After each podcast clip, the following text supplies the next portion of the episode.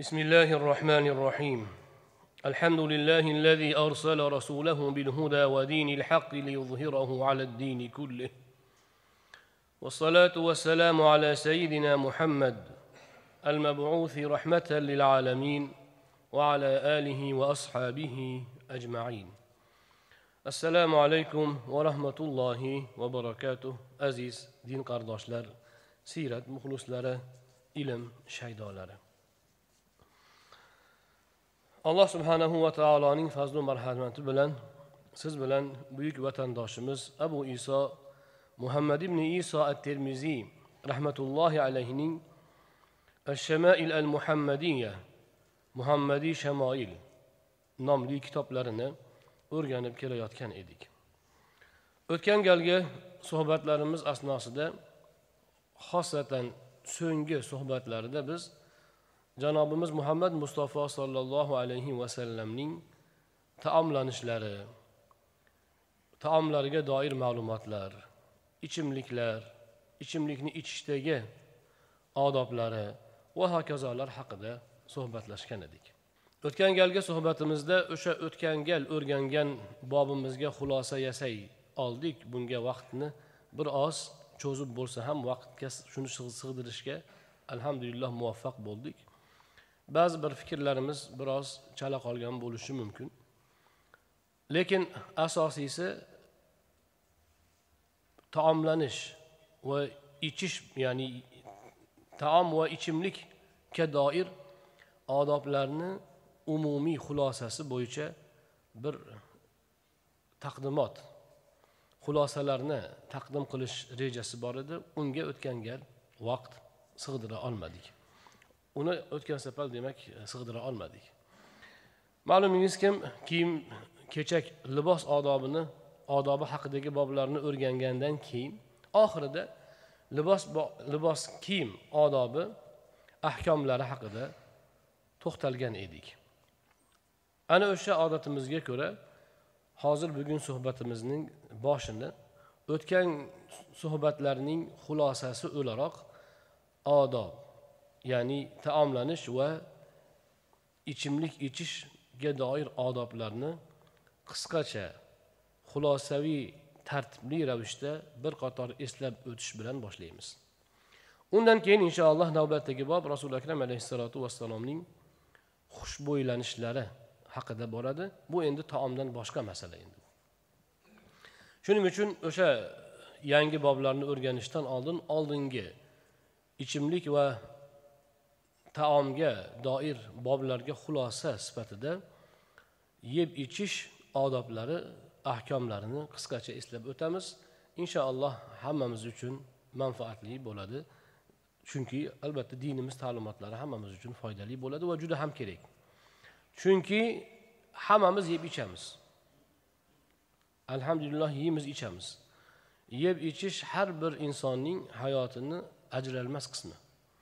Inson bir necha kun yemasa vafot etadi inson taomga ancha muncha chidasa ham lekin chanqoqqa chidolmaydi chunki tana suvsizlashgach u taomdan ko'ra suvsizlikdan halokat yaqin hisoblanadi chunki tana suvsizlashgandan keyin hujayralar o'ladi qaytib tirilmaydi hujayralar yangi hujayra tirilishi uchun u suv kerak suyuqlik kerak.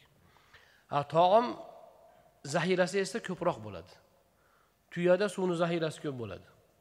Insonda ovqatni zaxirasi ko'proq bo'ladi. Shuning uchun hammamiz demak yeb ichishga doim muhtoj ekanmiz.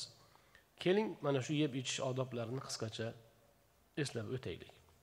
Bunga muqaddima sifatida men odob haqida ham qisqacha to'xtalgim keladi. Chunki garchi bu haqda oldinda gapirib o'tgan bo'lsakda taomlanish odobida yana bir eslab o'tishimiz maqsadga muvofiq.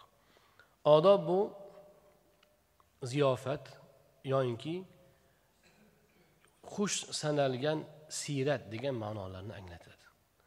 Ziyofat nega ziyofat deyiladi desa ziyofat degan o'zakdan olingan desa chunki odob insonlar ziyofatga tabiatan ishqiboz bo'ladi haris bo'ladi. Xuddi shuni singari odob ham sof tabiatli insonni o'ziga jalb qiladi o'ziga tortadi. Ana shu ma'noda bu harakatlar tasarruflar odob deb atalgan. Odobni madaniyat deb nomlash urfi ham bor.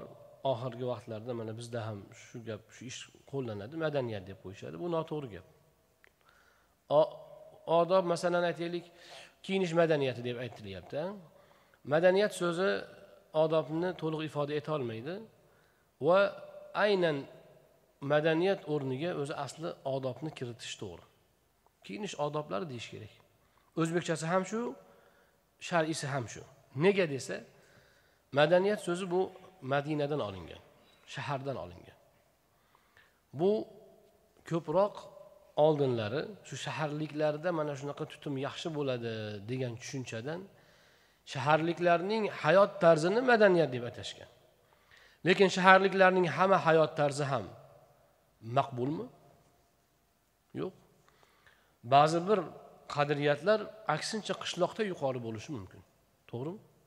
Shuning uchun madaniyat so'zi go'yo shaharliklarni bir pog'ona ko'tarib boshqalarni bir zina pastga qo'yib mana shu tushunchadan kelib chiqqan bu so'z hisoblanadi. Nima qilsa ham shaharliklarniki to'g'ri. Oziq qiyshiq bo'lsa ham boyni bolasi gapirsin. Desa o'shandan keyin madaniyat degan gap mana shu odoblarni hammasini madaniyat degan nom bilan nomlash yoki madaniyat madaniyat deb haligini og'iz to'ldirib gapirish kelib chiqadi. Shuning uchun biz buni o'zimiz o'zbek tilimizning xususiyatidan kelib chiqib ham dinimiz ko'rsatmalari ta'limotlaridan kelib chiqqanimizda ham bu ko'rsatma va tutumlarni biz odob deb atasak to'g'ri bo'ladi. Kiyinish odobi. Naqadar go'zal. Madaniyat degan u sakkizta harfdan ko'ra odob to'rtta harf oson. To'rtta beshta harf oson tugaydi. Kiyinish odobi muomala odobi va hokazo. Demak odob bu qishloqda bo'ladimi? Shaharda bo'ladimi? Shariat va sof insoniy tabiat va yanglishmagan aql yaxshi sanagan ishlar hisoblanadi. Ana biz ana shunday odob va ahkomlarning taomlanishga doir qismini o'rganamiz xolos. Lekin odob borasida islom ta'limotichalik mukammal ta'limot yo'q bo'lmaydi ham. Va shu bilan birga mana shu bizda ko'pchilik o'zbekchilik deb aytadigan narsalar mana hozir o'rgansak ham bu narsaga guvoh bo'lamiz. Asli shariatimiz odoblari. Asli islom ta'limotlari hisoblanadi. Islomdan oldin bu darajada yuksak odob bu darajada yuksak bir madaniyat arabda ham bo'lmagan ajamda ham bo'lmagan. Tushunmaslik kerak bu endi arablarni madaniyatini hozirgi til bilan aytganda. Arablarni madaniyatini yoyish emasmi bu demaslik kerak. Arablarda ham bu madaniyat bo'lmagan. Shu bilan birga odob madaniyat tushunchalari bu e, hamma xalqlarda ham bo'lgan. Ya'ni hamma xalqda ham o'ziga yarasha odoblari bo'lgan. Lekin islom shariati ana o'sha odoblarning mezonini yaratgan va asosiylarini ko'rsatib berilgan.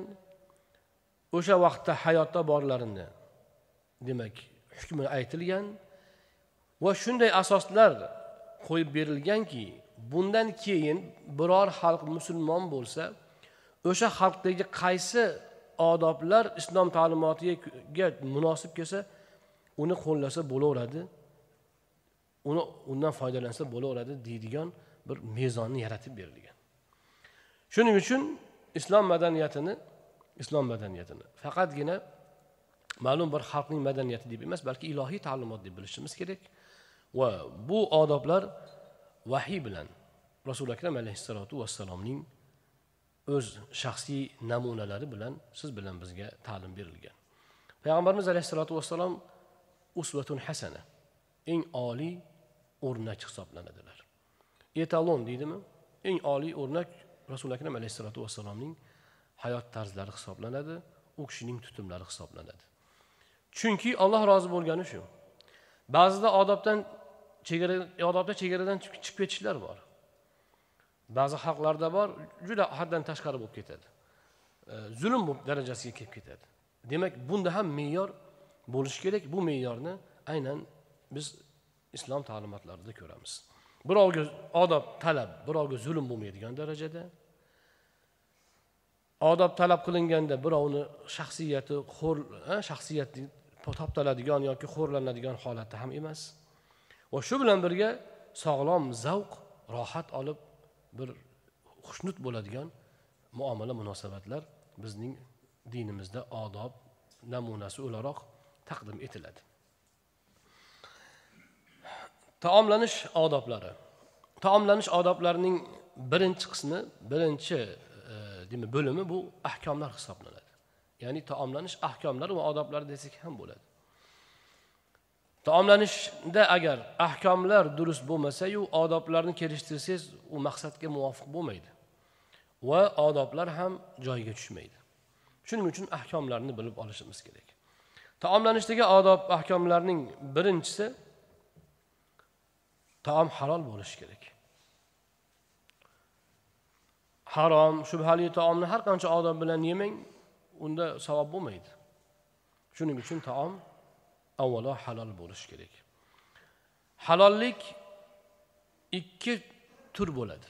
Hukmiy bo'ladi va moddiy bo'ladi. Tarkibiy bo'ladi. Hukmiysi bu narsa o'zi pok.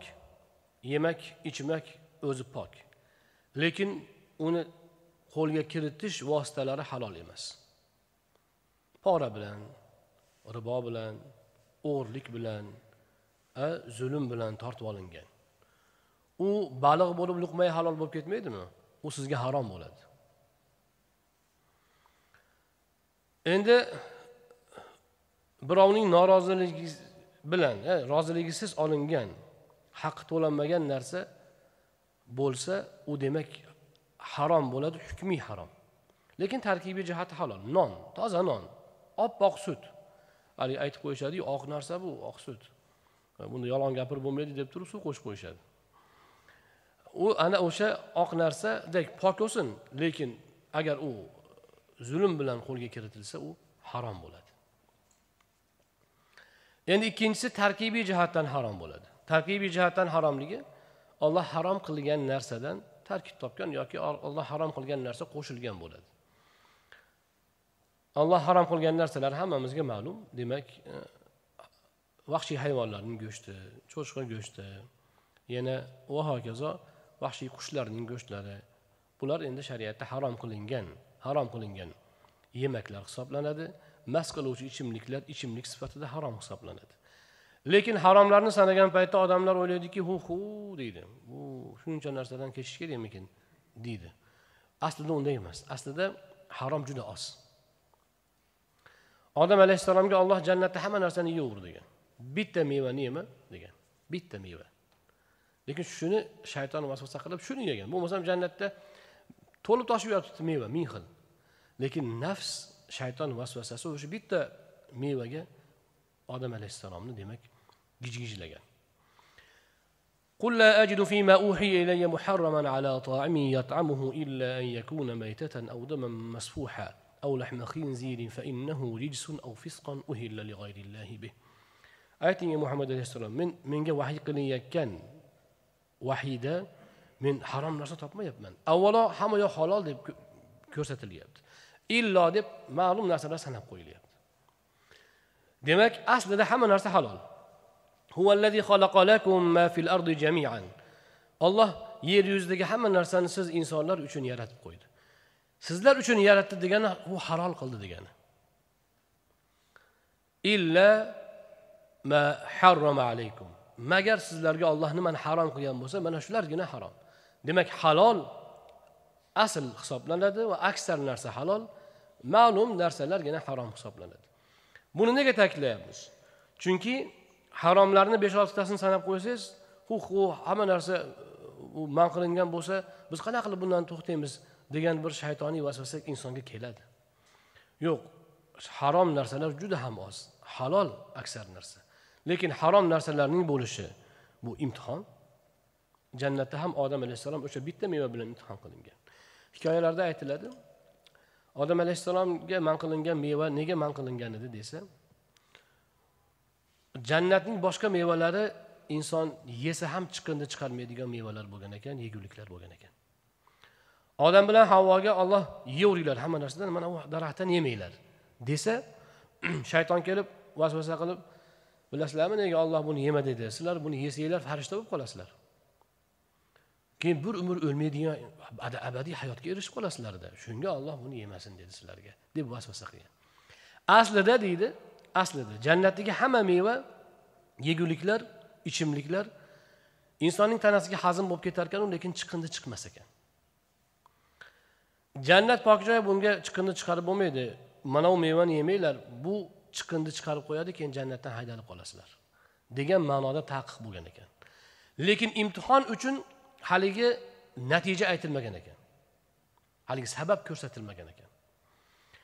Odam alayhissalomga shayton vasvasa qildi yeb qo'ydi. Endi qorin g'uldirashni boshladi. Momo havo bilan odam alayhissalom yegandan keyin endi qorin g'uldiradi. Oldin yegan narsalardan chiqindi yo'q edi. Endi qorin g'uldirab endi tahoratga yugurish ehtiyoji paydo bo'ldi. Endi jannatdan chiqinglar deb alloh ularni jannatdan chiqarib yuborgan deyiladi. Xuddi shuni singari olloh shariatda harom qilgan narsalar o'zimizga zarar bo'lgani uchun bizning farovon hayotimizni buzgani uchun buzadigan bo'lgani uchun harom qilingan. Va ulardan tiyilishimiz ham allohning nazdida huzurida savob darajot ham o'zimiz uchun foyda hisoblanadi. Ikkinchisi rizqni ollohdan deb bilish. Rizqni ollohdan deb bilish bu qalbga doir amal hisoblanadi. Mana bunga juda hushyor bo'lish kerak. Ko'pincha biz mana shunga chalg'ib qolamiz. Endi to'g'ri sabablarni qilamiz. Sababni qilmasangiz bo'lmaydi sabab qilinadi. Lekin faqat men harakat qilganim uchungina shu ovqat bo'ldi. Faqat falonchi bergani uchungina shu ovqat menga nasib bo'lyapti degan e'tiqod qilinmaydi. Balki olloh berdi muvaffaq qildi alhamdulillah deyish kerak bo'ladi. Rizqni ollohdan deb bilishning alomatlarini o'zingizda sinasangiz bo'ladi. Rizqni ollohdan deb bilishingiz qalbingizda qanchalik o'rnashganini inson o'z tasarruflaridan buni demak e, belgilarini ko'rsa bo'ladi. Agar rizqni ollohdan deb bilsangiz boriga qanoat qilasiz. Agar birovdan deb bilsangiz yoki o'zingizdan deb bilsangiz qanoat qilolmaysiz bezovtalik ko'p bo'ladi. Va hokazo. Ikki uchinchisi olloh bergan rizqqa rozi bo'lish. Endi rizqni ollohdan deb bilgandan keyin allohdan kelgan rizqqa rozi bo'lish. Haromga intilish odatda o'sha rizqni ollohdan deb bilmaslik yoyinki allohni taqsimotiga rozi bo'lmaslikdan kelib chiqadi. Vaholanki har qancha yugursangiz ham haloldan e, olloh yozgandan ortiq narsani siz e, e, tanovul qila olmaysiz. Shu bilan birga rizq deganda ulamolarimizning bir ta'riflariga ko'ra rizq deganda faqat qo'lga kiritilganki narsa emas balki istifoda qilingan narsa nazarda tutiladi. Dunyoda molingiz bor. Aytaylik hamma nozi ne'mat bor lekin sizda kasallik bor yeyolmaysiz. Ba'zi kasalliklar bor ma'lum taomlarni sizga man qiladi misol uchun. O'sha taomlar qo'lingizda turibdi lekin yeyolmaysiz. Chunki rizq olloh uni sizga yozmagan ekan. Yesangiz halokat bo'lasiz va hokazo. Taomlanishda niyatni yaxshi qilish. Taomlanishda niyatni yaxshi qilish chunki taomlangandan keyin xayrli amallarni niyat qilish kerak. Taomlanaman inshaalloh quvvati bilan ibodatimni yaxshi qilaman ilmni chuqurroq o'rganaman mehnat qilaman halol rizq topaman va hokazo. Shu bilan birga mana shu niyatga keyin amal qilish lozim. Ya'ni olloh bergan taomni yeb unga gunoh qilishga o'tmaslik kerak. Ana shunda yegan ovqati ham insonni savob bo'ladi. Mana yosh kattalarimiz biladi dasturxonda yeb bo'lgandan keyin kattalarimiz duo qilardi. Yeb ichganlarimiz savobini o'tganlarga bag'ishlaymiz deb qo'yadi. Yeb ichsangiz qanday savob bo'ladi. Yeb ichyapsiz. Siz ya'ni siz o'zingiz manfaat olyapsiz. Qayerdan savob bo'ladi? U oddiy yeb yeb ichsanglar savob bo'lmaydi. Yeb ichish uchun taom halol bo'lishi kerak odoblarga rioya qilinishi kerak va niyat yaxshi bo'lishi kerak. Salomatlikni ushlash tanani haqqini ado qilish ibodat va hokazo. Endi taomlanish odoblarini sanab o'tamiz. Taomlanishga kirishishdan oldin demak avvalo qorin to'q emasmi? Mana shunga nazar solish kerak. To'q qoringa taomlanish mijozni buzadi. Shuning uchun to'q qoringa ustiga taom yeyish agar inson to'q turgan bo'lsa u mijozning aynishiga va zararga sabab bo'ladi sog'likka zarar bo'ladi. Shuning uchun rasululo akram alayhissalotu vassalomning sunnatlari taomni faqat qorin ochganda yeyishni o'rgatganlar. Ya'ni qorin ochgandan keyin. Juda ochiqib ketish shart emas lekin taom istagi bo'lishi kerak. Taomlanishdan oldin ikki qo'lni yuvish. Bu borada biz hadisni o'rgandik salmoni forsiy rasuli akram alayhissalotu vassalomga kelib yo rasululloh tavrotni o'qigan edim taomdan keyin qo'lni yuvsa taomga baraka bo'larkan. Shunaqa yozilgan jumlani o'qigan edim deganlarida payg'ambarimiz alayhissalotu vassalom taomdan oldin ham taomdan keyin ham qo'lni yuvish shu taomga baraka bo'ladi deganlar. Demak taomdan oldin ikki qo'lni yuvish. Mana hozir hamma tavsiya qilib yotibdi. Kasallikdan coviddan qutulish uchun saqlanish uchun oldini olish uchun nima qilasiz? Qo'lingizni uch martalab yuvasiz. Va hokazo. Mana shu qo'l yuvishda hozir mana shifoxonalarga borsangiz qo'lni yuvish nimasini ko'rsatib qo'ygan. Tarzini. Ayni sunnat shu. Aynan rasuli akram alayhissalotu vassalam mana shundoq yuvganlar mana hilol deb qo'yadi. Barmoqlar orasiga barmoqni kiritib mana bundoq qilib barmoqni orasini ishqalab bu yerda ham kirni qoldirmasdan yaxshilab ishqalab yuvish bu tahoratdagi sunnat o'zi. Qo'l yuv tahoratda qo'l yuvish sunnat. Mana shunday qo'lni yuviladi. Qo'lni mana shunday yuviladi. Va uch marta yuviladi. Ya'ni uch marta yuvish bu endi toza qo'lga tegishli gap. Ya'ni odatda yomon kir bo'lib ketmagan qo'lga tegishli gap. Endi kir bo'lsa boshqa bo'lsa ko'proq yuvilsa zarari yo'q. Muhimi qo'l kirlardan toza bo'lishi kerak a yomonliklardan ya'ni nopokliklardan pok bo'lishi lozim. O'sha qo'lni yuvishda mana oddiy niyat. Shu kasallik yetmasinda deb yuvsangiz bu endi kasallikdan qutulish uchun bo'ladi. Lekin sunnat ekan taomdan oldin qo'l yuvish desangiz bu savob bo'ladi. Musulmon odamning hayoti mana shu bilan ibodatga aylanadi. Ya'ni yurgan turgani foydasiga ishlaydi lekin niyatda shariat aytgani uchun olloh rasuli aytgani uchun deb qiladi shu bilan savob shu bilan darajot oxirat amaliga aylanadi. Dasturxonga o'tirganda kamtarlik tavozu bilan o'tirish. Bu taomning odoblaridan ekan. Men bu joyda bir narsani aytib qo'yishim kerak. Hozir boshlashdan oldin aytmoqchi edim o'zi. Hozir sanaydigan odoblarimiz bu shariatimiz ko'rsatmalari. Men boshqa ba'zi bir maqola manbalardan ham foydalandim. Lekin asosiysi ustozimiz shayx hazratlari rahmatullohi alayhining ijtimoiy odoblaridan olingan. Ijtimoiy odob kitoblarida shayx hazratlari taomlanish odobini nihoyatda go'zal bayon qilganlar. Bir kuni hazrat aytib qoldilar. Ijtimoiy odob kitoblarini kitobini yozayotgan paytlari edi shunda yozib bitirayotgan paytlari shu taomlanish haqida gap chiqib ketdi. Keyin ijtimoiy odobda o'zlari yozayotgan fikrlardan ba'zi birlarini aytdilar. Bundoq deb yozyapman bundoq bundoq dedim deb turib aytdilarki shu siz bilan biz o'zimiz amal qilib yuradigan odoblar borku deyaptilar. O'zimiz amal qilib yuradigan biz uchun oddiy bo'lib qolgan. Mana shu odoblarni ham aytsak bitta kitob bo'lar ekan. Bir olam gap ekan deganlar.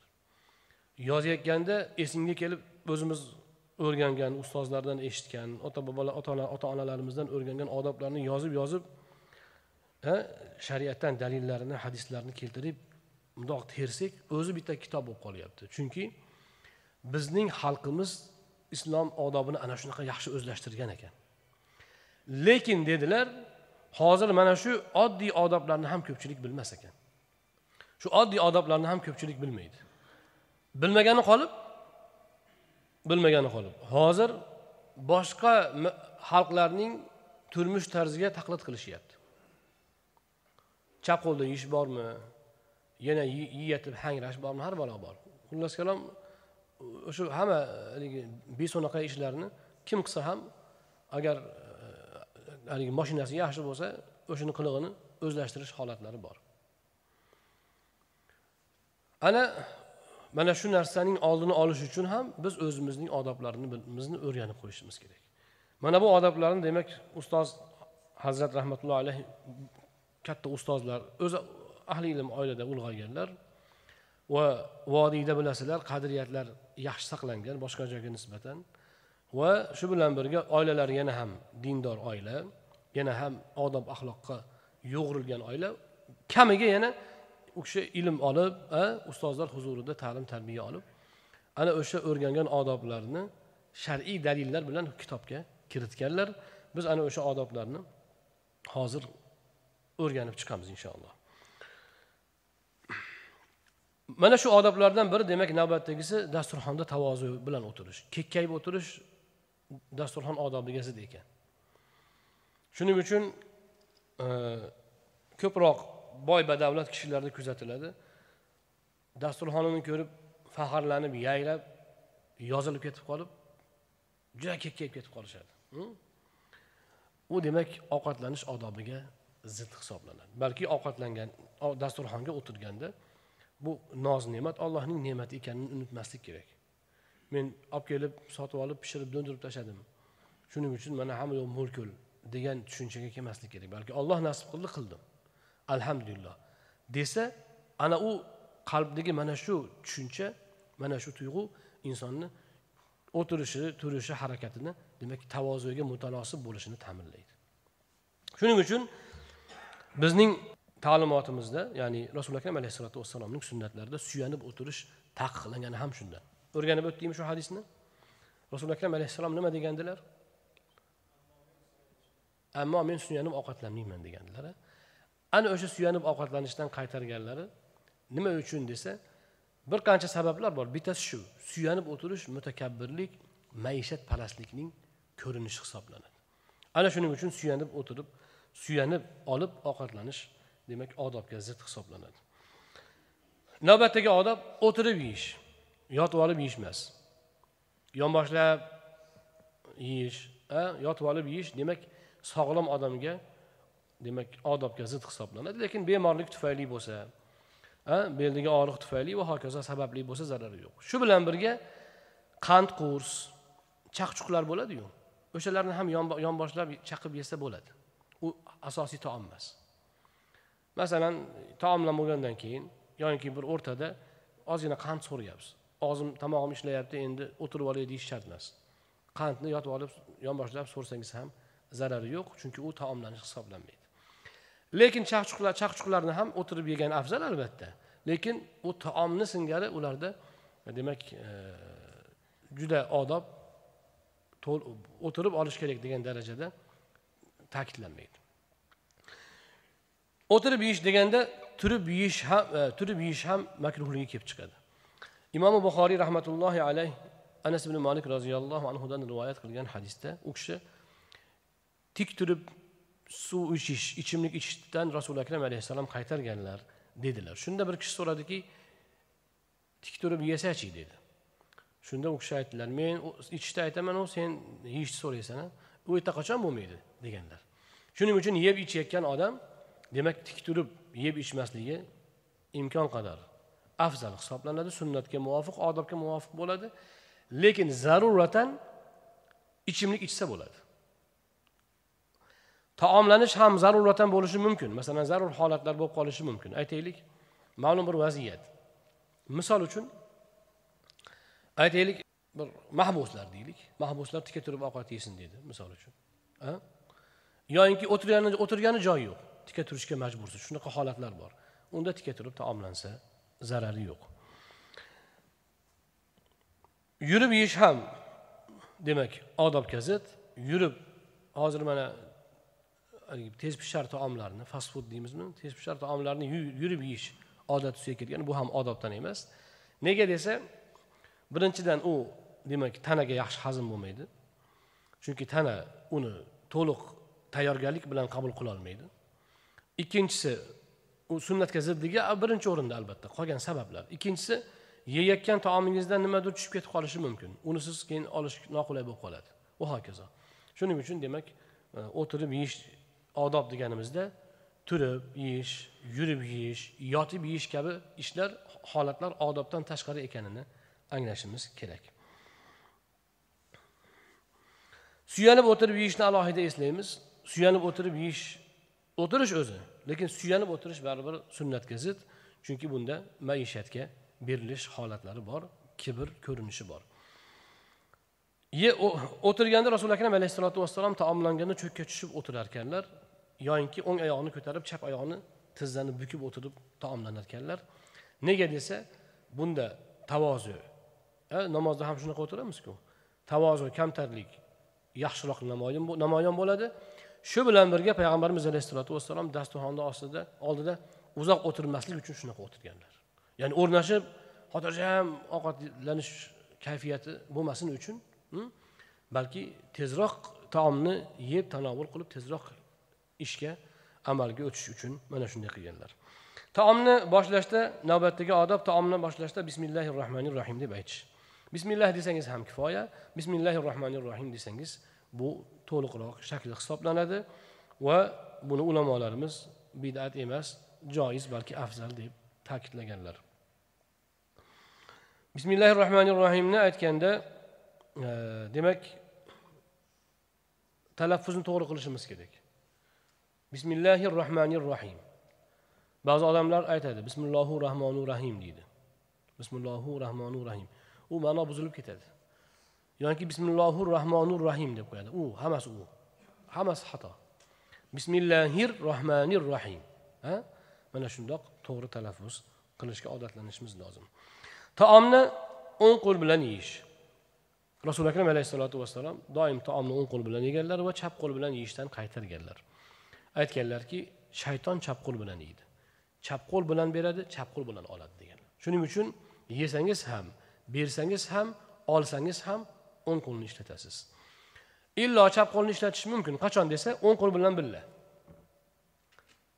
Sog'lom odam uchunda mana kosani masalan ikki qo'lda ushlab ichsangiz bo'ladi. Kosani ikki qo'lda ushlab kosada narsa ichsangiz bo'ladi. Lekin chap qo'lni o'zida ichish bu demak sunnatga zid bo'ladi. Mana shuni hozir ba'zi bir nimalarda reklamalarda ham ko'rib qolasiz. Chiqib olib chap qo'lda ovqat yeydi chap qo'lda narsa ichadi. U boshqalarni reklamasini ko'rib shunaqa bo'lib qolishgan. Lekin bu musulmonlarga reklama bunaqa bo'lmasligi kerak. Musulmonlarga reklama ham musulmoncha bo'lsin. O'ng qo'lda ushlab o'ng qo'lda ichib ko'rsatish kerak. Ba'zi odamlarda tushuncha bor o'ng qo'lda ushlasak musulmoncha bo'lib qoladida deydi. Janoza ham o'qitma bo'lmasa musulmon musulmoncha ko'milib qolasan. Shuning uchun o'ng qo'lda sunnat demak o'ng qo'lda yeyishimiz kerak o'ng qo'lda ichishimiz kerak. Ich qo'lda ushlab ovqatlanish holatlari ko'p. Shosha pisha ovqatlanish. Yeyotgan paytda bir qo'lda nonni ushlab olgan bir qo'lda qoshiq e, taqir tuqur taqir tuqur yeb qolishadi. Bu demak birinchidan tez yeyish o'zi odobga zid uni alohida aytamiz. Shoshilmasdan yeyish kerak. Ikkinchisi agar masalan narsani qo'yishga joy yo'q bir qo'lingizda ushlab turibsiz ikkinchi yeydigan narsangizni mayli zarari yo'q lekin o'ng qo'lga o'ng qo'lga olib yeyish kerak. Hm? Mana shu narsa e, to'g'ri bo'ladi. Nonni ham olib chaynab keyin qoshiqda ushlasa hech zarari joyi yo'q mashaqqat joyi ham yo'q. Mana shundoq taomlanish kerak mana shu to'g'ri bo'ladi. Bir kuni bir kishi aytyapti qiziq gap. Andijonda bir kishi aytadiki men deydi o'g'lim deydi chap qo'lda ovqat yeydida deydi. Men shuni yaxshi ko'raman deydi. Nega desa o'sha vaqtda bill klinton amerika prezidenti edi. Nimaga bilasizmi deydi. Nimaga desam bin klinton chap qo'lida ovqat yeyotgan deydi. Qarangda tushunchani. Shunaqa darajada dindan uzoq holatlar ham bor. Keyin men aytdim undan u bin klinton bitta odam endi u. To'rt yil podsho bo'ladi yoki sakkiz yil ketdi o'shandan keyin hech kim emas u. Lekin insoniyat sayidi rasuli akram alayhissalotu vassalom o'ng qo'lda yeb ko'rsatganlar va aytganlarki chap qo'lda yeyish bu shaytonning ishi deganlar o'shanaqa deb u kishiga ham tushuntirgan bo'ldik. Taom tanovul qilishda ichimlik ichishda shoshilmaslik. Bu ham demak sunnat hisoblanadi. Taomlanganda yaxshi chaynab yeyish shoshilmasdan yeyish kerak. Shopir shupir qilib yeyish bu e, ba'zi bir oldingi majusiy xalqlarda bo'lgan ekan. E, mana shu narsani hazrati umar roziyallohu anhuning ko'rsatmalarida ham kelgan. Shunaqa yemanglar degan. Ya'ni musulmon odam shoshmasdan tanovul qiladi. Va shoshmasdan chaynab yutish lozim. Bu ham taomlanishning odoblaridan hisoblanadi. Chunki shoshib yeyish ochko'zlikning alomati hisoblanadi. Taom kelganda taomga baraka so'rash. Yeyish asnosida ham yoki taom birinchi kelgan paytida taomga baraka so'rash. Buni biz hadisini o'rgandik. Rasuli akam alayhissalotu vassalom aytdilarki kimga bir taom keltirilsa allohimma barik lana fi allohim bunda bizga baraka ber va undan yaxshisini ham ber. Vazidna fi demak mana shu duoni taomlanganda qilib qo'ysa inshaalloh duolar ijobat bo'lsa rizqi yana ham keng bo'ladi. Taomni imkon qadar birov bilan yeyishga urinish. Bu bu ham payg'ambarimiz alayhissalotu vassalomning demak ko'rsatmalarida kelgan. Imkon qadar birov bilan yeyish haqida ho'p rasuli akram alayhissalotu vassalom odatda taom kelgan paytda taom bo'lsa kelinglar ko'pchilik bo'lib kelinglar shunda baraka bo'ladi derkanlar. Ko'payishinglar baraka bo'ladi. Bir kuni bir jamoa odamlar ey allohni rasuli biz yeymiz ichamiz lekin hech to'ymaymizu deyishibdi. Shunda rasuli akram alayhissalotu vassalom tarqoq bo'lsalaring kerak degan ekanlar. Shuning uchun imkon qadar demak taomni to'planib yeyish tavsiya qilinadi. Va basmala bilan yeyish tavsiya qilinadi hadisda. Rasuli akram alayhissalom o'sha hadisda aytgan ekanlarki haligi odamlarga sizlar birinchidan imkon qadar ko'payishib yenglar va ikkinchidan basmala bilan yenglar deb ta'kidlagan ekanlar. Bu hadisni imomi abu dovud rivoyat qilganlar. Bu ham biz musulmonlarning fazilatlarimizdan hisoblanadi. Odatda moddiy hisob kitobga ko'ra odam ko'paysa taom yetmay qolishi kerak. Lekin olloh baraka bersa ozgina taomga ham to'yasiz ekan uni demak istifoda qilasiz ekan undan foydalanasiz ekan. Rasuli akram alayhissalom aytganlar mo'min bitta ichakka yeydi kofir yettita ichakka yeydi deganlar. Chunki uning yeyishida baraka bo'lmaydi. Shuning uchun demak imkon qadar ko'pchilik bo'lib yeyishga odatlanish. Ba'zi sahobalar masalan ibn umar roziyallohu anhu hech ham o'zi ovqatlanmas ekanlar. Doim bitta qulmi cho'rimi bir yahudiymi kim bo'lsa ham bitta odam bo'lsin deyotganlar bitta odam bo'lsin deyotganlar juda yaxshi taom bo'lib qolsa ahllari bir kuni qizg'onishib shuni endi o'zlari yesalar bo'lardi shu odam podam chaqirmasdan deyishsa ibn umar roziyallohu anhu yemaganlar. Meni ishtaham bo'g'dinglar senlar deganlar. Odam bo'lsa keyin mehmon mehmon bo'lsin keyin yeyman mehmon kelsin keyin yeyman deb yemaganlar. Chunki ular mana shu hadislarni chuqur anglaganlar. Demak biz dasturxonlarimizda mehmondorchiliklarimizda mana shu bag'ri kenglikni ushlashimiz kerak. Shuning uchun bizni xalqimizda umuman e, bir yaxshi tushuncha bor. Aytilmagan mehmon atoyi xudo deb qo'yiladi. Aytilmagan odam kelsa atoyi xudo xudo yetkazdi. Ha demak bu nima? To'g'rimi hojidalar mana shu gap bor. Aytilmagan mehmonni atoyi xudo bo'ldi u bizga deyiladi. Nega desa u baraka u. Baraka. Haligi palonchi ham kelib qolibdi endi odam ko'payib ketdi endi ovqat qanaqa bo'ldi? deb tashvish qilmang. Bismillah deng inshaalloh hammaga yetadi. Qo'l bilan qo'l bilan yeyiladigan taomlarni imkon bilan imkon qadar qo'l bilan yeyish.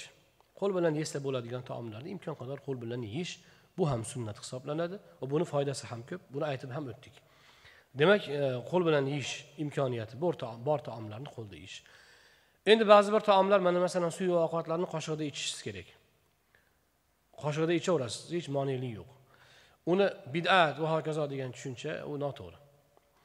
Chunki bu narsalar hozirgi aytayotgan odoblarimizning ba'zi birlari shar'iy odob ba'zi birlari bu zavoid sunnatlardan hisoblanadi. Ya'ni ularga amal qilish savobli amal lekin juda shar'iy shar'iy talab darajasida emas. Balki tavsiya va savob bo'ladi degan ko'rsatma va eng go'zal namuna e, sifatida aytiladi. Lekin ba'zi birlari ba'zi bir odoblar shar'iy. Masalan basmala shar'iy o'ng qo'l bilan yeyish shar'iy. Ha? Bular shar'iy darajadagi odoblar hisoblanadi. Endi o'ng qo'li ishlamagan odam chap qo'lda yesa bo'ladi. Vaqti kelganda aytib qo'yaylik. O'ng qo'li e, yaramasa chap qo'lda yesa bo'ladi. Qoshiqda yeyish masalasida bir bo'lgan voqeani aytib beraman. E, bu ham zarofatli gap. Kayfiyatimizni e, bir yana ham ko'tarib o'tadi inshaalloh. Va ba'zi bir bundan istifodalar qilsak bo'ladi. Bizni katta bobomiz bobomiz andijonda qozi bo'lgan. Abdulmajid qozi domla degan kishi. Nihoyatda olim kishi bo'lganlar o'n besh yil o'sha qatag'on yillari ikki martami otuvga hukm bo'lib qochuvda yurib xullas olloh asrab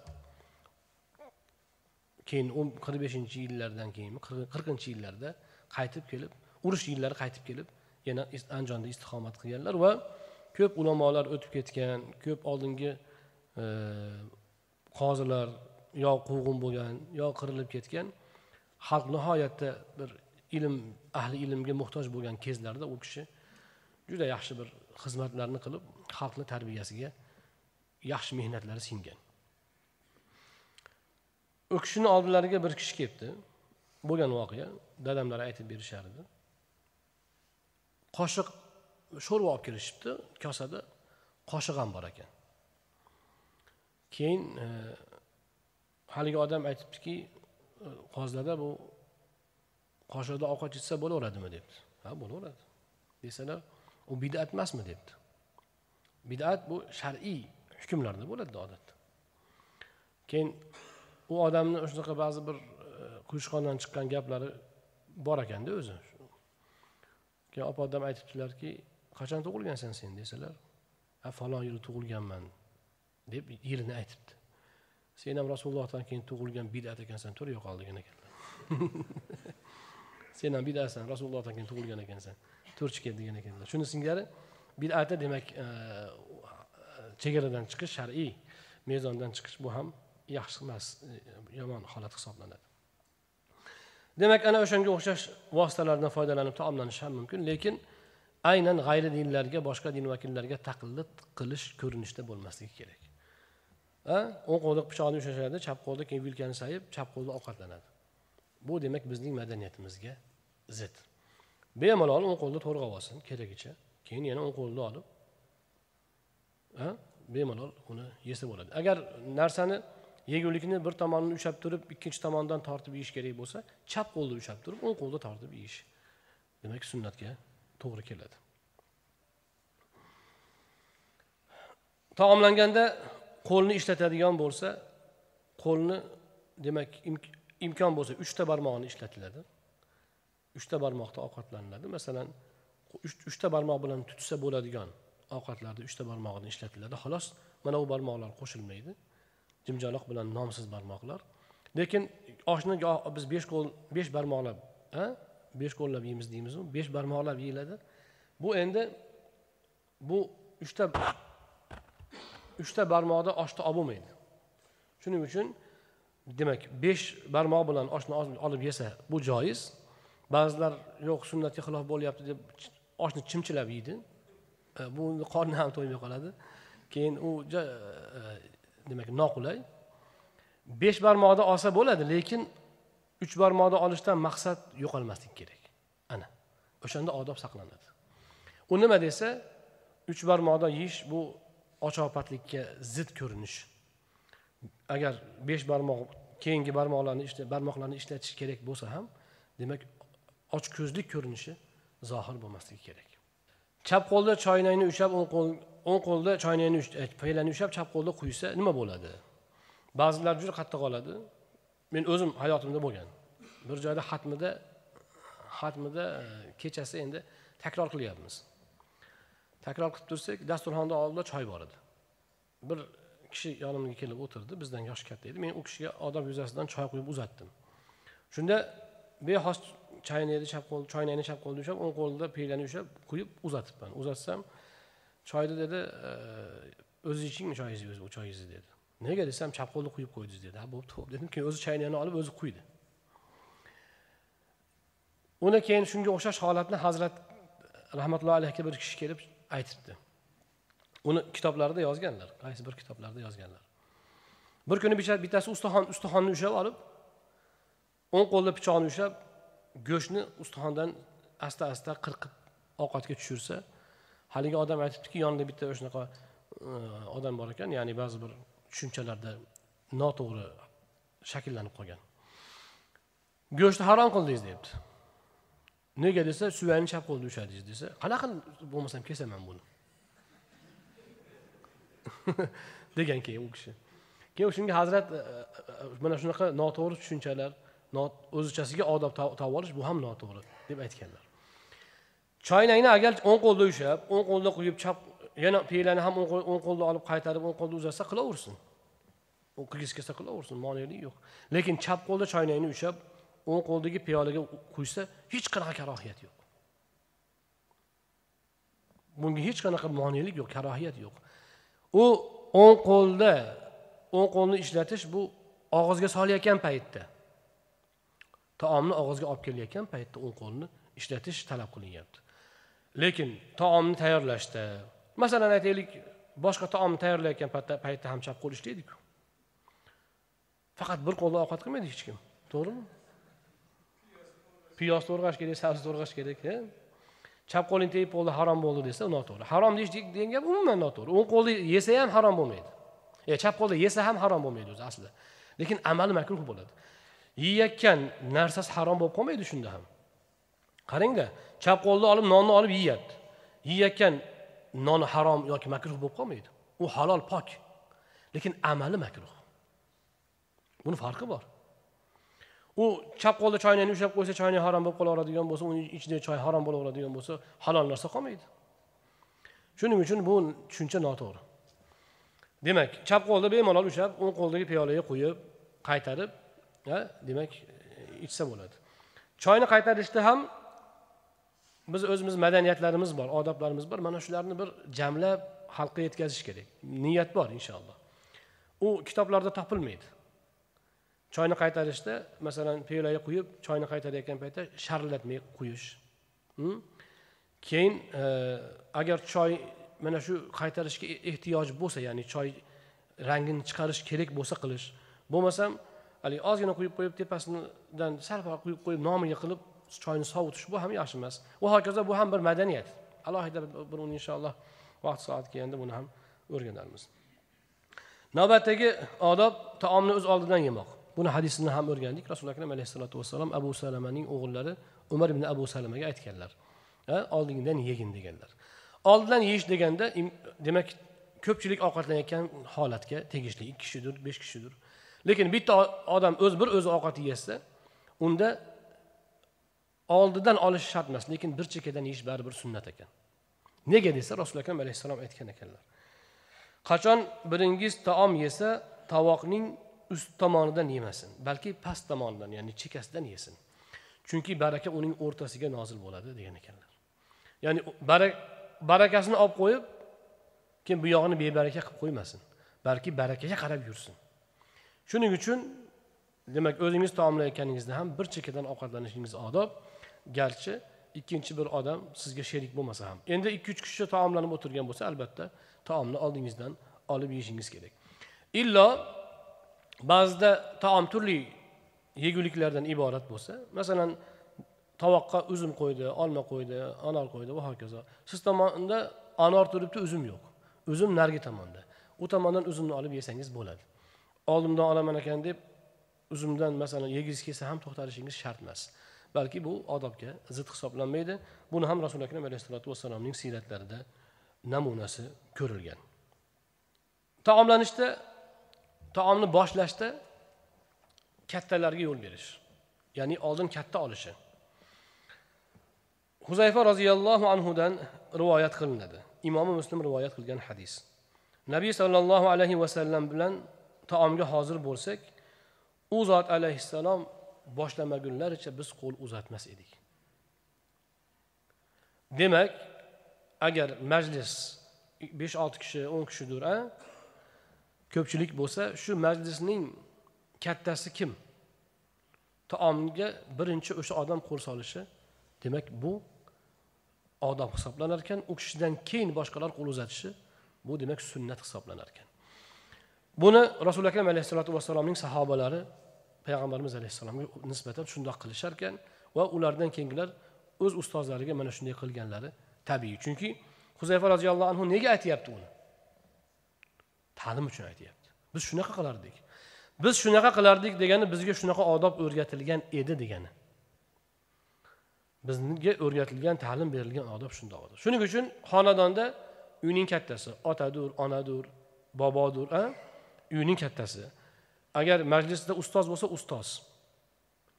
Boshqa bir yig'in bo'lsa o'sha yig'inning sadrul majlisi yetakchi kishisi mana shu odam birinchi boshlab berishini kutishimiz bu odob bo'lar ekan. Shu bilan birga asarlarda keladi. Men bir asarda ko'rgan edim. Manbasini hozir eslolmayman. Sahoba ikromlar aytganlarki biz ko'pchilik bo'lib taomlansak taom hammaga kelgandan keyin boshlar edik deganlar. Bu ham odob. Bu odob ham bizda bor. Lekin hozir juda yig'inlar katta bo'lib ketgan paytda kichikroq bir doirani ya'ni bir biriga ko'z tushadigan doirani hech bo'lmasa mana shunga rioya qilishini ta'minlashimiz kerak. Masalan to'yxonada hozir besh yuz kishiga ovqat tashiguncha o'tirish shart emas o'zingizni atrofingizdagi o'zingiz o'tirgan stol atrofidagilarga ovqat kelgandan keyin boshlash bu odob hisoblanadi.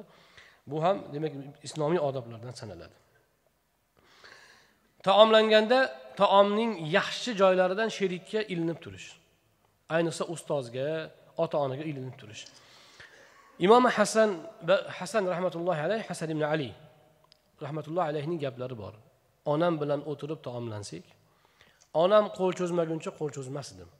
Toki u yemoqchi bo'lgan taomni olib qo'yib men ishtahasiga demak zid ish qilmay dedim deydilar. Masalan taomda behi turibdi qovoq turibdi go'sht turibdi kartoshka turibdi. Olsinlar deyishdan maqsad nima? U kishi istaganini olsin. Ixtiyor qilganini olsin.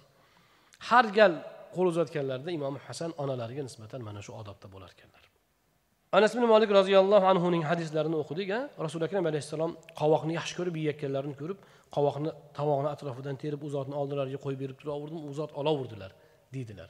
Ya'ni o'zi qovoqni yegisi kelib turgan bo'lsa ham o'zidan ko'ra rasuli akram alayhissalotu vassalomni ustun qo'ygan ekan. Taomni issiq bo'lsa sovutib yeyish muzdek holatda yemaslik agar muzdek bo'lsa uni sal. Demak insonga zarar keltirmaydigan tarzda yeyish ham tavsiya qilinadi.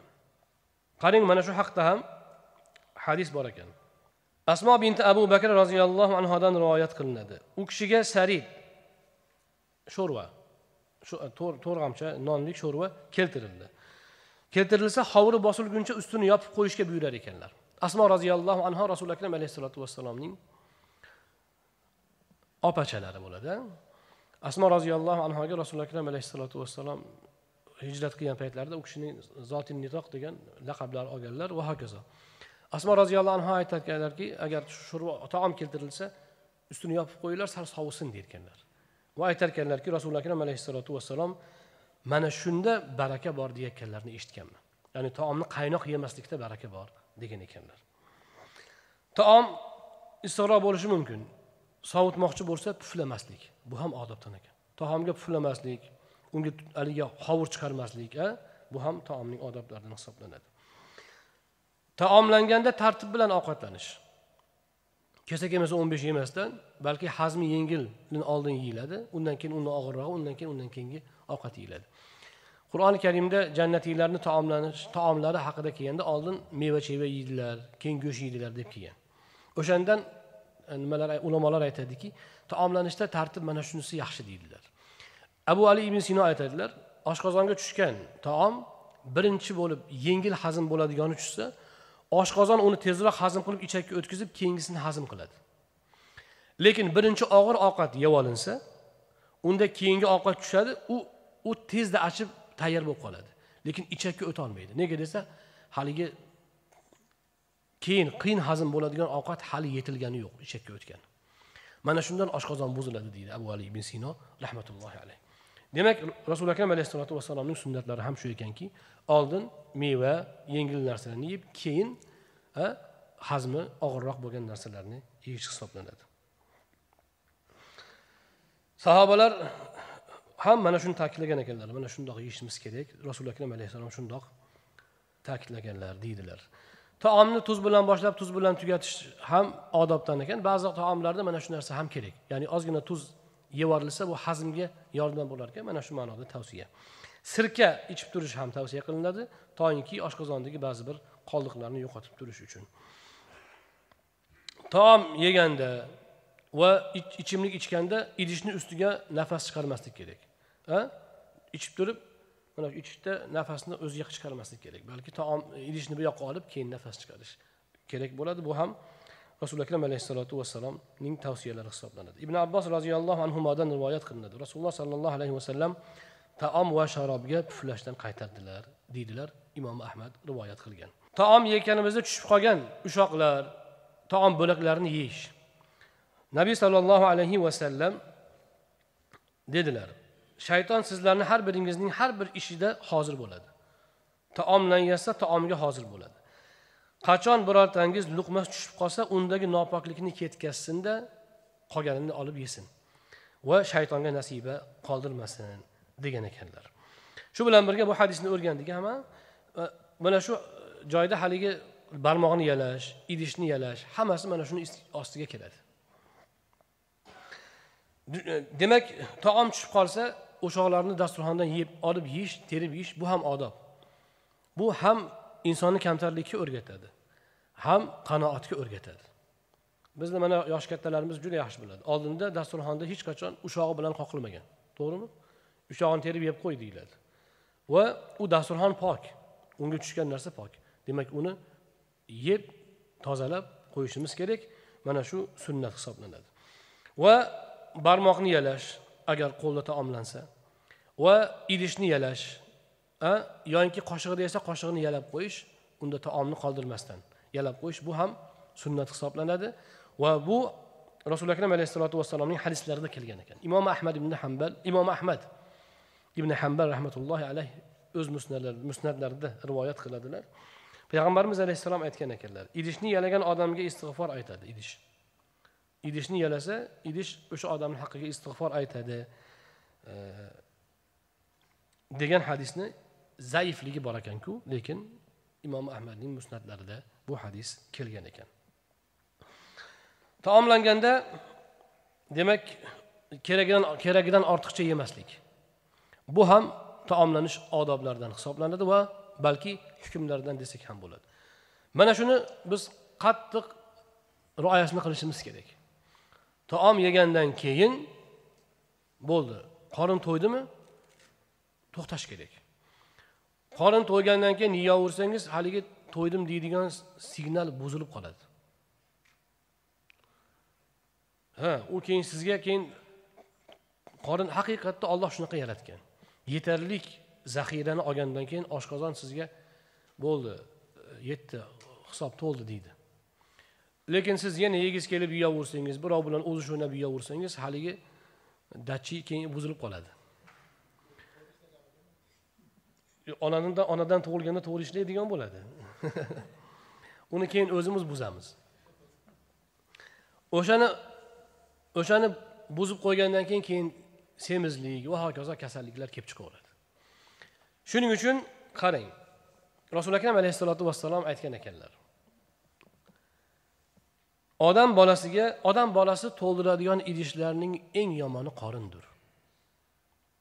Gapni go'zalligini qarang. Odam bolasi to'ldiradigan eng yomon idish bu qorin. Aslida insonga qaddini ushlab turadigan yemak yetadi. Agar juda baishtaha inson bo'lsa yegisi kelsa maishati yaxshi bo'lsin desa oshqozonini uchga bo'lsin. Bir qism taom bo'lsin bir qism ichimlik bo'lsin bir qism havoga qolsin deganlar. Aslida demak belni ushlaydigan taom insonga yetadi. Oldin ham aytdim men bizni hozir biz yegan ovqatlarni bel ko'tarolmayapti. O'zi asli ovqat belni ko'tarib turishga yetarli bo'lishi kerak. Ana demak mana shu narsa nihoyatda muhim. Endi bu faqat odob emas lekin bu hukm bu. Nega desa mana shu joyda nozik masala bor. To'ygandan keyingi yegan ovqat makruhu tahrimiy bo'ladi. U oddiy makruh bo'lmaydi. Chap qo'lli ovqat yeyish makruh bo'lar lekin bu to'ygandan keyingisi makruhu tahrimiy bo'ladi. Ya'ni haromga yaqin makruh bo'ladi. Nega haromga yaqin makruh bo'ladi? Chunki u birinchidan isrof. Chunki u manfaatsiz ketyapti. U tursin bittamtasi bittamta qorni och yesa o'sha unga tanasi u ozuqaga o'sha ozuqaga muhtoj tanalar bor. Bitta o'zim yesam bo'ldi emas. Ha to'g'rimi? Boshqa odam yeyaversin baribir sizga yeganingiz bilan u siz tanangizga singmaydi u. Tanaga singmagandan keyin u manfaatsiz taom bo'ladi. Huzurini hojatxona ko'radi deydi odamlarimiz to'g'rimi? Bo'ldi u tanaga foydasi yo'q uni. Manfaatsiz ketgan resurs bo'ldimi bu? Isrof bo'ldi shu jihatdan isrof harom ikkinchi jihati u oddiy haligi foydasiz ketsa ham mayli edi u foydasiz ketmaydi zarar qilib ketadi. Tanaga zarar qilib ketadi. Shuning uchun ba'zi ota onalarni e, e, nimasi bor e, tutumi bor noto'g'ri. Yeb qo'y qorning to'ygan bo'lsa ham isrof bo'lmasin deb qo'yadi. U qorni to'ygandan keyingisi nafaqat isrof u zarar. Ham isrof ham zarar. Undan ko'ra o'sha ovqatni birovga berib yuboring bitta muhtojga bering. Hm? Aynitmasdan birovga berib yuboring bo'ldi tamom vassalom shu bilan birga mana shunga odatlansa haligi taom qiladiganlar ham shunga moslashadi. Hozir to'ylarimizda ziyofatlarimizdagi isrofgarchilikni qarang. Mana hozir jo'rachilik bor. Men biroz vaqtinglarni olib bo'lsa ham baribir odoblarni tugatolmas ekanmiz bugun hali ancha odob haqida gapirishimiz kerak. Men o'ylovdimki buni tugatib bobni o'rganamiz deb o'ylovdim demak aytiladigan gapimiz ko'p ekan. Menimcha bu yerda ortiqcha gap bo'lmadi. Inshaalloh hammamizga manfaatli fikrlar ta'limotlar bo'lyapti buni. Mana shu vaqt kelganda o'rganib olsak inshaalloh buni keyin sekin sekin tadbiq qilamiz. Nihoyatda foydasi ko'p bo'ladi. Lekin men mana shu mavzuni hozir mana shu ziyofat mavzusini aytib shu bilan bugungi suhbatimizni qismiga yakun yasayman. Besh to'rt daqiqa sizlar rozi bo'lasizlar. Hozir o'tirishlar bor. Ulfatchilik. Undan ham ortib tushadigani qudachilik. Fotiha marosimlari to'ylari bo'ladi. To'g'rimi? Biz ham gohida boramiz qarindosh urug'chilik yo taklif borib qolamiz. Dasturxonga achinasiz. Bu yerda qancha isrofgarchilik bor bir tasavvur qiling. Birinchidan u taomlarni hech kim yeb tugata olmaydi. Hech kim yeb oxiriga yetolmaydi o'sha yerda o'tirganlar ham yeb kekirib o'ntab so'ntab mana shunaqa ahvolga kelib ketadi ovqatdan turguncha dasturxondan turguncha. Nima keragi bor shuni? Ozgina bo'lsin sozgina bo'lsin tamom vassalom mayli ozgina bo'lsin soz mayli ko'pgina taom qilmoqchi ekan lekin bir biriga mutanosib bo'lishi kerak taomlar. Bir bir ya'ni bir birini hazmiga xalaqit qilmaydigan bo'lishi kerak taom. Mana bunga ayollarimiz e'tibor berish kerak. Mehmon kutyapsizmi unga zarar qilmaydigan dasturxon tayyorlang. Va taomlar bir biriga mutanosib mayli bir necha xil ikki uch xil taom bermoqchidirsiz ho'p sahobalar karih ko'rgan buni. Mayli biz hozir quda uchun mehmon uchun shuni qilmoqchimiz. Mehmondorchilikka qudachilikka ozgina yo'l keng. Chunki mehmonni hurmati uchun ozgina iltifotga bu oddiy oddiy tarzdan sal yuqoriga ruxsat bor. Lekin u me'yorda bo'lishi kerak. Ozgina ozgina bering va berganda keyin mana shu ulfatchiliklarda ham e'tibor beringlar ziyofatlarda ham. Taom bir kirgan bir o'sha bir taom bir vaqtda berilganda imkon qadar o'shani berib tugatish kerak. Agar orada tanaffus bo'lsa bir biriga xalaqit qilmaydigan qilish kerak. Hm? Mana shundoq bo'lishi kerak. Endi hozir isrofgarchilikni qarang. O'sha taomni pishirishga dasturxonda qo'yilgan taomni mana kim yolg'on deydi kamida ellik foizi qolib ketadi. Yo noto'g'rimi? Kamida ellik foizi qolib ketadi. Ellik foizga ketgan xarajat ayollarimizni pishirib kuydirishga ketgan harakat vaqti yana qancha ovoragarchilik isrof emasmi? Isrof. Kitob o'qing desangiz vaqti yo'q deydi. Ilm o'qing desangiz vaqti yo'q deydi. Bir davlatga yurtga xizmat qiladigan odamlarga masalan mana shu yurtga yurt yurt uchun vatan rivoji uchun bir narsa qilaylik desangiz vaqti yo'q deydi. Ayniqsa mana shu biz vodiydan borib borganda kuzataman. Ayollarni marosimlarini keldi ketisi bir kun bir kun davom etadi. Nima kerak shu? Nima u shu ayollarni shundan boshqa ishi yo'qmi? Bolalar betarbiya. Na bolasiga qur'on o'qitgani vaqti bor na kitob o'qib bergani vaqti bor na boshqaga vaqti bor. Dardi hayoli yeb ichish kiyim kechak. Yuz yil yeb ichib kiyim kechak keyin nima o'sib ketadi? Bu mana bu tana mana shu tana. Shu necha metrdir mato bilan to'ladi bo'ldi uni yog'iga boshqa siz boshingizga besh metr qilib sallaverolmaysizku misol uchun kiyim qo'yolmaysiz. Bo'ldi oshgani behuda. Yegan ovqatingiz ham siz mana shu yetmish kilo sakson kilo yukingizdan ortiq hech narsa qilolmaysiz iloji yo'q uni. Lekin ortiqcha harakat nega? Isrof. Ko'p joylarda mana to'ylarda ham boramiz dasturxondagi narsalar juda ko'p uvol bo'ladi. Yana undan ham o'tib tushadiganlari bor. Shirinlik qiladiganlar bor. Shirinlik. To'y deb to'yga atalgan shirinliklar. Lekin yeb bo'lmaydi. Men bir kuni andijonga bozorda shirinlik olgani kirsam qora aka to'ygami yeganimi? deydi. Ochiq aytyapti. Sotuvchi ayollar aytyaptiki to'ygami yoki yeganimi? deydi. Nima farqi bor? desam ya endi to'yga haligi bundoqroq ham bo'laveradida deydi. To'ydagi to'yga borganlar odam emasmi yoki yemaydigan narsalar nima keragi bor? Uni o'rniga maketini qo'yib qo'yaveraylik. Shirinlikni haligi olmalarni anorlarni maketi chiqibdi hozir chiroyli. Shirinlikni ham maketini qilib qo'yib qo'yaylik yemaydi ekanku baribir. Nima qiladi unga shakarni isrof qilib qanchadir unni isrof qilib qancha vaqt isrof qilib to'g'rimi yana ba'zi bir dahmazalar bor. Dasturxonda dahmaza mumkin emas. Namanganda bor. Ichimizda namanganliklar bormi yo'qmi bilmadim. Namanganda shunaqa urf bor. Buni aytay mintaqa bilan aytib qo'yyapman buni tuzatish kerak. Umuman yeyilmaydigan narsalarni qo'yib qo'yadi yeyish taqiqlangan ham. Nega deng? Arendaga olingan. Ijaraga olingan. Ha ijaraga olingan. Shuni mana shu dasturxonni ko'rki bo'lib turaveradi shu yillar davomida ketaveradi. Dasturxonga bunchalik e'tibor bu musulmon kishini madaniyatiga to'g'ri kelmaydi bu.